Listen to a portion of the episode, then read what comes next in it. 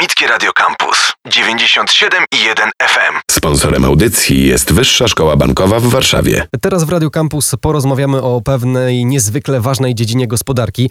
Bez niej nie byłoby towarów na półkach sklepowych i nie moglibyśmy zamówić niczego przez internet.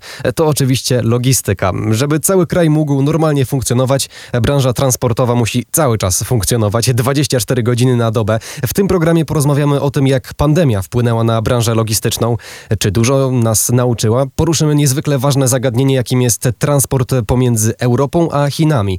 Czy przez pandemię grożą nam braki niektórych towarów na sklepowych półkach? Będziemy mieli też rady dla osób, które marzą o pracy w tej branży.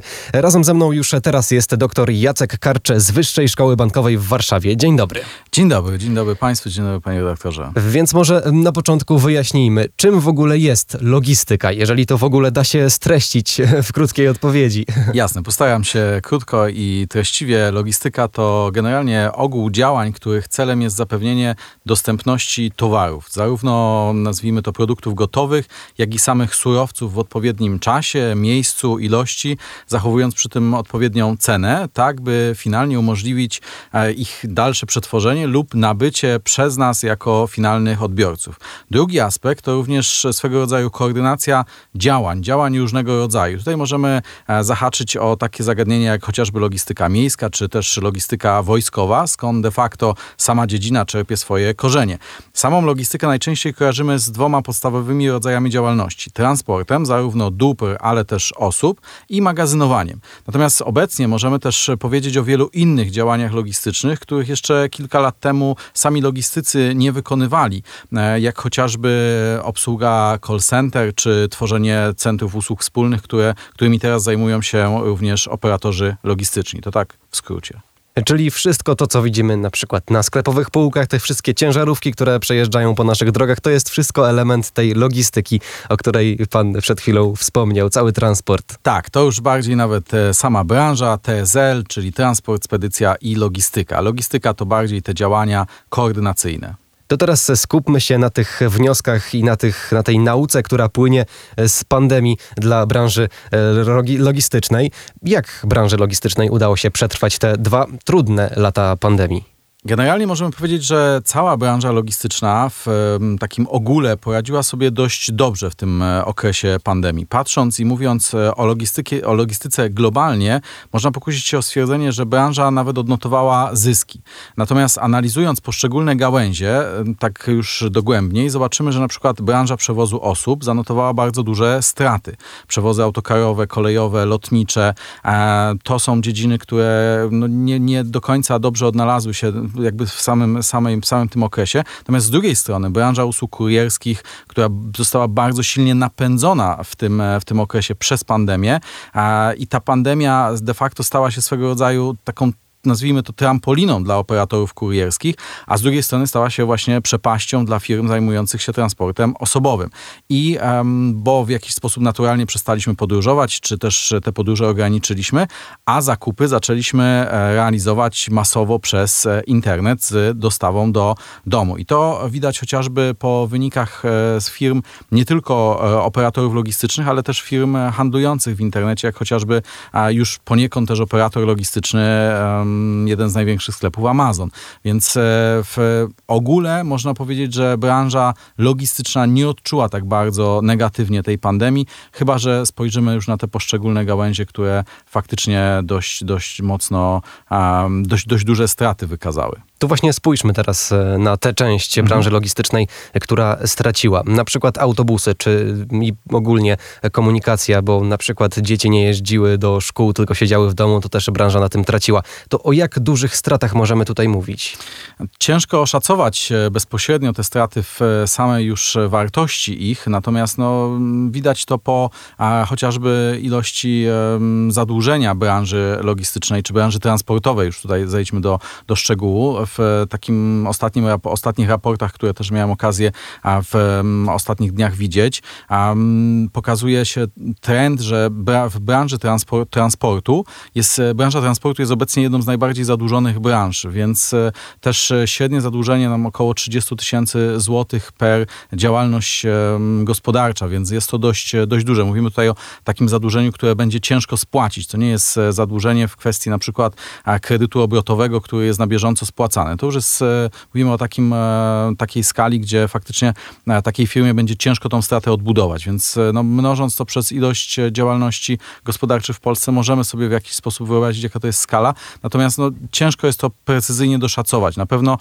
patrząc już chociażby z perspektywy ograniczenia ilości miejsc, czy w autobusach, czy w środkach innej komunikacji masowej, czy w, kolei, w, w, kolei, jest to chociażby 50% ograniczenia, więc jest to 50% wpływów chociażby z biletów, które gdyby te pociągi były wypełnione w 100%. Pamiętajmy, że takiego wypełnienia czy w autokarach, czy w autobusach, czy w tramwajach nie ma. Zatem no, możemy sobie wyobrazić, że chociażby podstawowe 50% przychodu zostało obcięte, więc w jakiś sposób e, no, nie, nie, możemy, nie możemy przejść obok tego obojętnie na pewno. A czego branża logistyczna nauczyła się w czasie pandemii?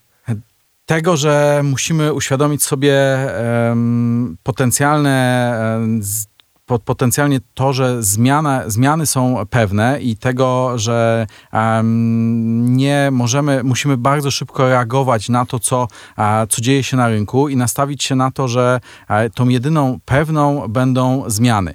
A dodatkowo przekonaliśmy się, że należy dywersyfikować e, biznes. Nie powinno się e, skupiać tylko na jednej działalności. Należałoby łączyć kilka różnych gałęzi, na przykład transportu, a wykorzystywać e, czy kierowców do transportu transportu zarówno osób, jak i towarów w jakimś, w jakimś sensie, czy możliwie przebranżawiać się. Były takie przypadki firm autokarowych, może mniejszych, które po prostu wymontowywały fotele z, ze swoich e, busów i przetwarzały je w jakiś sposób na samochody kurierskie. To, to w takim podkarpackim województwie było dość, dość popularne. Wykrążyły e, zdjęcia w internecie z, z tym, jak te samochody były wyładowane paczkami, więc da się. Natomiast natomiast no, trzeba e, działać i e, trochę podobnie jak z klientami w każdej branży. Nie można poprzestać na obsłudze jednego, dwóch czy trzech e, klientów. Trzeba ten portfel dywersyfikować i budować go tak, żeby mieć potencjalnie kilka możliwych dróg pójścia tą, e, tą, tą działalnością, natomiast e, nie wychodzić może poza branżę. To, to też warto, warto o tym wspomnieć, że nadal skupiajmy się na tym, co robimy dobrze. Jeżeli jesteśmy już w branży logistycznej i mm, wiemy, jak ona wygląda, prowadzimy transport osobowy, wiemy, że kupujemy paliwo, zatrudniamy kierowców, e, wiemy, jak wygląda cała działalność, łatwiej jest nam przebranżowić się na działalność transportu dóbr w jakimś sensie, natomiast oczywiście no, nie jest to proste i nie jest to łatwe i i, też nie da się tego zrobić w tydzień czy dwa. Dlatego warto chociaż mały skrawek e, prowadzić równolegle, po to, żeby móc łatwo w jakiś sposób e, być może przejść do tej innej działalności. Pandemia to czas próby, szczególnie jeśli chodzi o wymianę handlową między Europą a Chinami, e, bo lockdowny przyczyniły się m.in. do wzrostu cen transportu drogą morską. I właśnie o tym teraz porozmawiamy. W naszym studiu cały czas jest dr Jacek Karcze z Wyższej Szkoły Bankowej w Warszawie. Mm, o jak dużych zaburzeniach łańcucha dostaw między Europą a Chinami możemy w tym momencie mówić? Drodzy Państwo, e, pamiętajmy o tym, że ten, te, te łańcuchy już w jakiś sposób e, zostały zdywersyfikowane. To nie jest e, tak, że jesteśmy w jakiś sposób bardzo mocno uzależnieni. Oczywiście ta wymiana handlowa jest bardzo duża, jest ogromna i to, o czym pan redaktor wspomniał, te stawki zostały w jakiś sposób wywindowane, jeśli chodzi o transport, o dostępność floty, o dostępność kontenerów w portach. Jest to związane szczególnie z tym, że po stronie chińskiej często notowaliśmy problemy z dostępnością pracowników, czy przypadki e, pojedynczych e, zakażeń, które powodowały już przestój jednego, drugiego, trzeciego portu w całości bądź w części, więc automatycznie narastało nam, nawarstwiało się te, nawarstwiał się ten problem braku dostępności jednostek transportowych. Stawki wzrosły często nawet o 1000% względem chociażby stawek ubiegłorocznych, więc możemy sobie wyobrazić, jaka to jest e, skala wzrostu. Co za tym idzie, możemy mm, przyjąć, że nie musimy obawiać się ryzyka w jakiś sposób całkowitego braku towaru na półkach.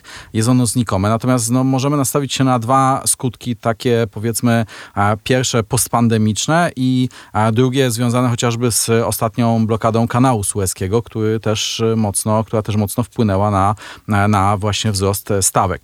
Pierwszy, pierwszy, pierwszy skutek to na pewno opóźnienie dostaw i w jakiś sposób ograniczona dostępność, szczególnie towarów, których nie możemy wyprodukować lokalnie, czy w jakiś sposób nie jesteśmy przygotowani do ich tak masowej produkcji lokalnie w Europie, czy chociażby w jakichś krajach sąsiadujących z, z Europą, tak żeby móc ten, nazwijmy to, bypass włączyć i zastąpić te towary importowane drogą morską. A drugi to fakt zdecydowanej podwyżki cen towarów na półkach, które, tych, które importujemy. I w jakiś sposób my, jako finalni konsumenci, będziemy niestety musieli te koszty przyjąć na siebie. Oczywiście per jednostka one nie będą jakieś bardzo drastyczne. Nie będzie to wzrost stawek o 1000, wzrost cen, przepraszam, o 1000%. Natomiast no, możemy się spodziewać przełożenia może mniej więcej 5, 7, 10% wzrostu cen. Dopiero to odczujemy, czy już zaczynamy odczuwać braki towarów i na przykład, tak jak pan wspomniał, tą blokadę kanału sueskiego, która była dość e, długo opisywana w mediach? Tak, była dość długo opisywana, była spektakularna i faktycznie było to coś e, na, na dzisiejsze czasy niezwykłego, że tak duży statek e, z, zatrzymał się i nie można go było w jakiś sposób poruszyć. A czy odczuwamy? Odczuwamy już. Odczuwamy to chociażby w branży automotive, gdzie faktycznie dostępność nowych samochodów jest mocno ograniczona. Na nowe samochody czekamy obecnie bardzo długo. To są często już e, długie miesiące, nazwijmy to od 6 do 10, nawet e, do roku czasu oczekiwania na nowy pojazd względem tego, co było e, już jeszcze kilkanaście miesięcy czy kilka miesięcy temu.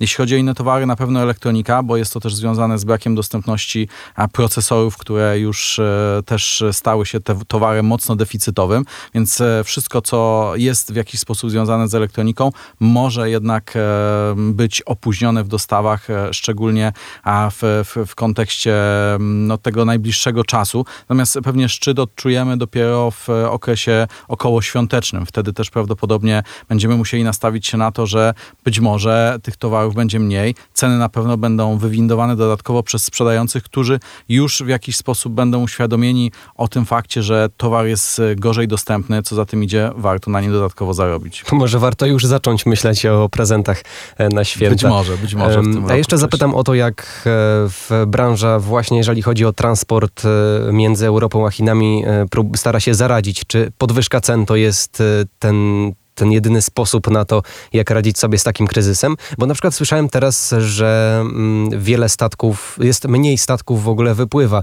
na tą trasę i często zdarza się tak, że statki wypływają częściowo e, puste. Czy da się w jakiś sposób temu zaradzić?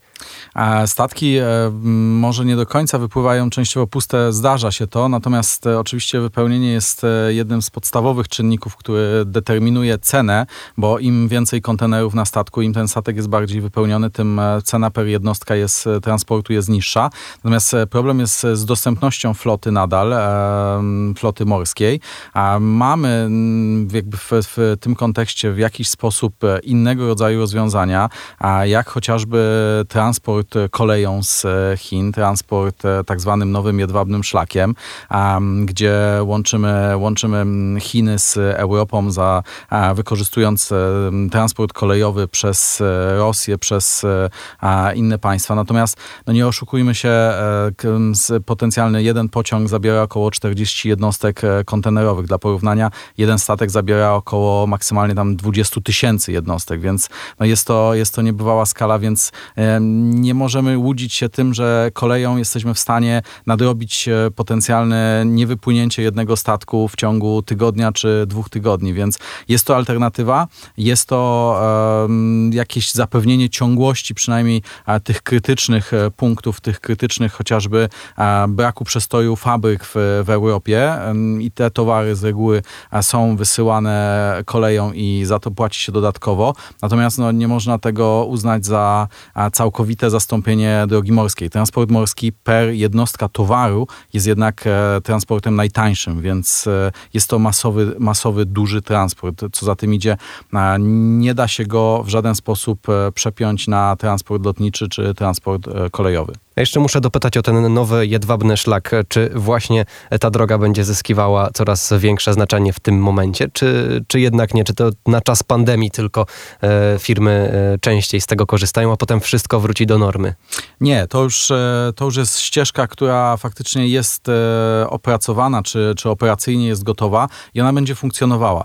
Prawdopodobnie pojawią się dodatkowo nowe rozwiązania, jak chociażby już testowane też e, dość, dość powszechnie, powszechnie testowany transport drogowy z Chin, który też jest możliwy do zorganizowania i nie jest dużo dłuższy niż transport koleją, więc tego typu możliwości są i one będą się rozwijały, bo zdaliśmy sobie sprawę z tego, że nie możemy jakby uzależniać się od jednego środka transportu. Co za tym idzie, na pewno ten transport będzie się rozrastał, jeśli chodzi o kolej, o nowy jedwabny szlak, natomiast e, nie będzie to kluczowy e, kanał czy korytarz e, Nadal jednak transport morski pozostanie tym tą główną gałęzią. A czy może tak być, że polskie ciężarówki na przykład będą jeździć e, do Chin po jakieś towary? E, raczej będą dojeżdżały tylko do jakiejś, e, pod jakiegoś punktu granicznego, nazwijmy to. To będzie bardziej tak, że jednostka transportowa, czyli naczepa, będzie transportowana na całej drodze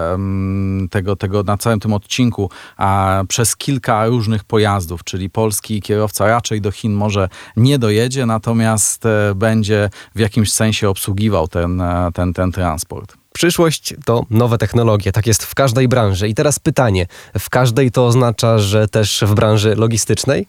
E, tak, e, logistyka jest przykładem branży, która generalnie bardzo dynamicznie wdraża różnego rodzaju nowe technologie, szczególnie z racji chociażby problemu z dostępnością pracowników na rynku, szczególnie w takich dwóch kluczowych gałęziach, to jest transport i magazynowanie. Bardzo chętnie wdrażamy wszelkiego typu nowe rozwiązania.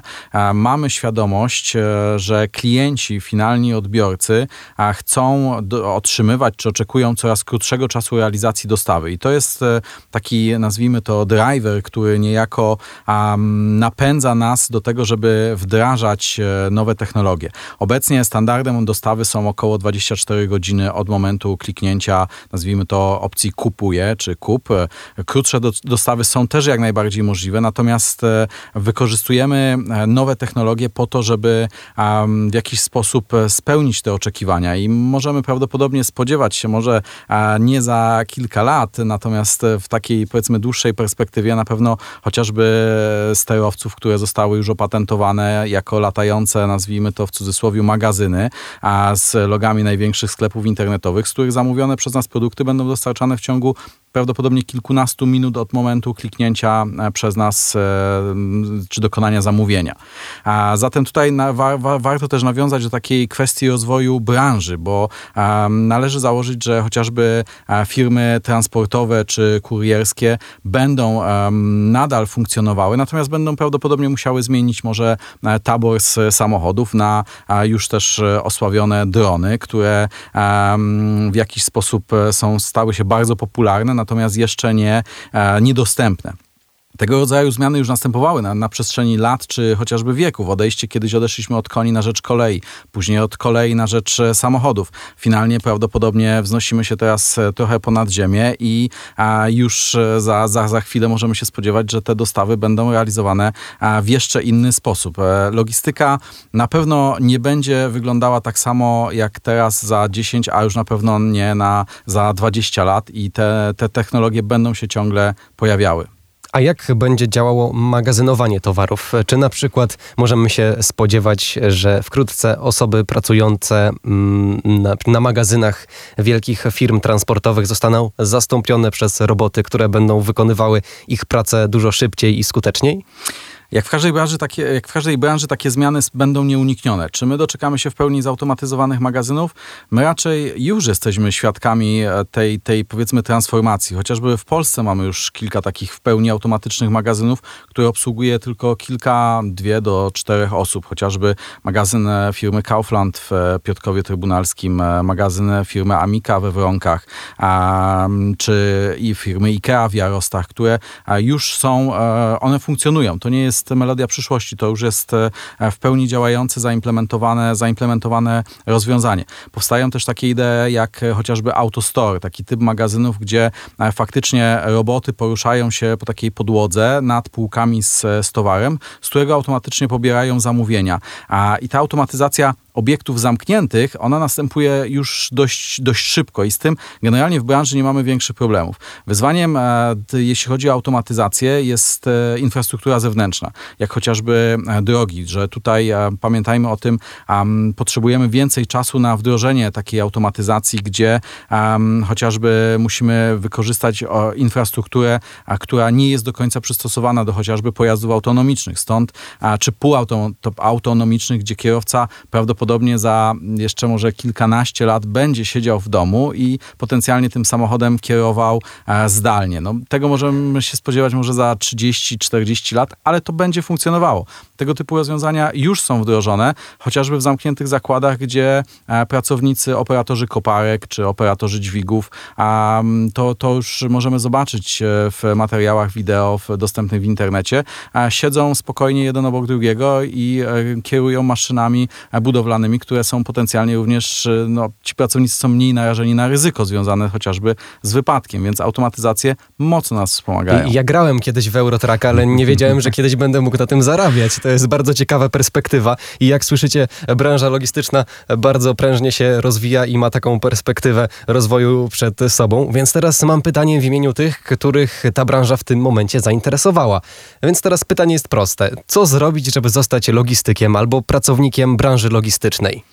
Słuchajcie, e, przede wszystkim trzeba chcieć. E, to jak e, we wszystkim, co robimy. Jeżeli ktoś czuje, że to może być coś dla niego, warto udawać się na różnego rodzaju targi, skorzystać z jakichś webinarów, prelekcji, obejrzeć kanały na platformach streamingowych, w których chociażby zwykli ludzie, pracownicy tej branży pokazują, co robią, jak to, jak to funkcjonuje, jak, jak, to, jak do tego podejść. A następnie warto zrobić plan i go realizować. Szczególnie na tym etapie um, warto założyć sobie to dość wcześnie, bo już chociażby na etapie wyboru szkoły średniej, czy w ogóle kierunku uczenia się, a warto rozejrzeć się i zobaczyć, e, że są dostępne technika logistyczne, ale też e, pamiętajmy o rozwoju szczególnie kompetencji językowych, które w branży bardzo ułatwiają znalezienie pracy. Ważne jest e, też uświadomienie sobie, gdzie chcemy dalej kontynuować naukę na studiach, bo studia, istotą studiów jest to, żeby kształciły nie tylko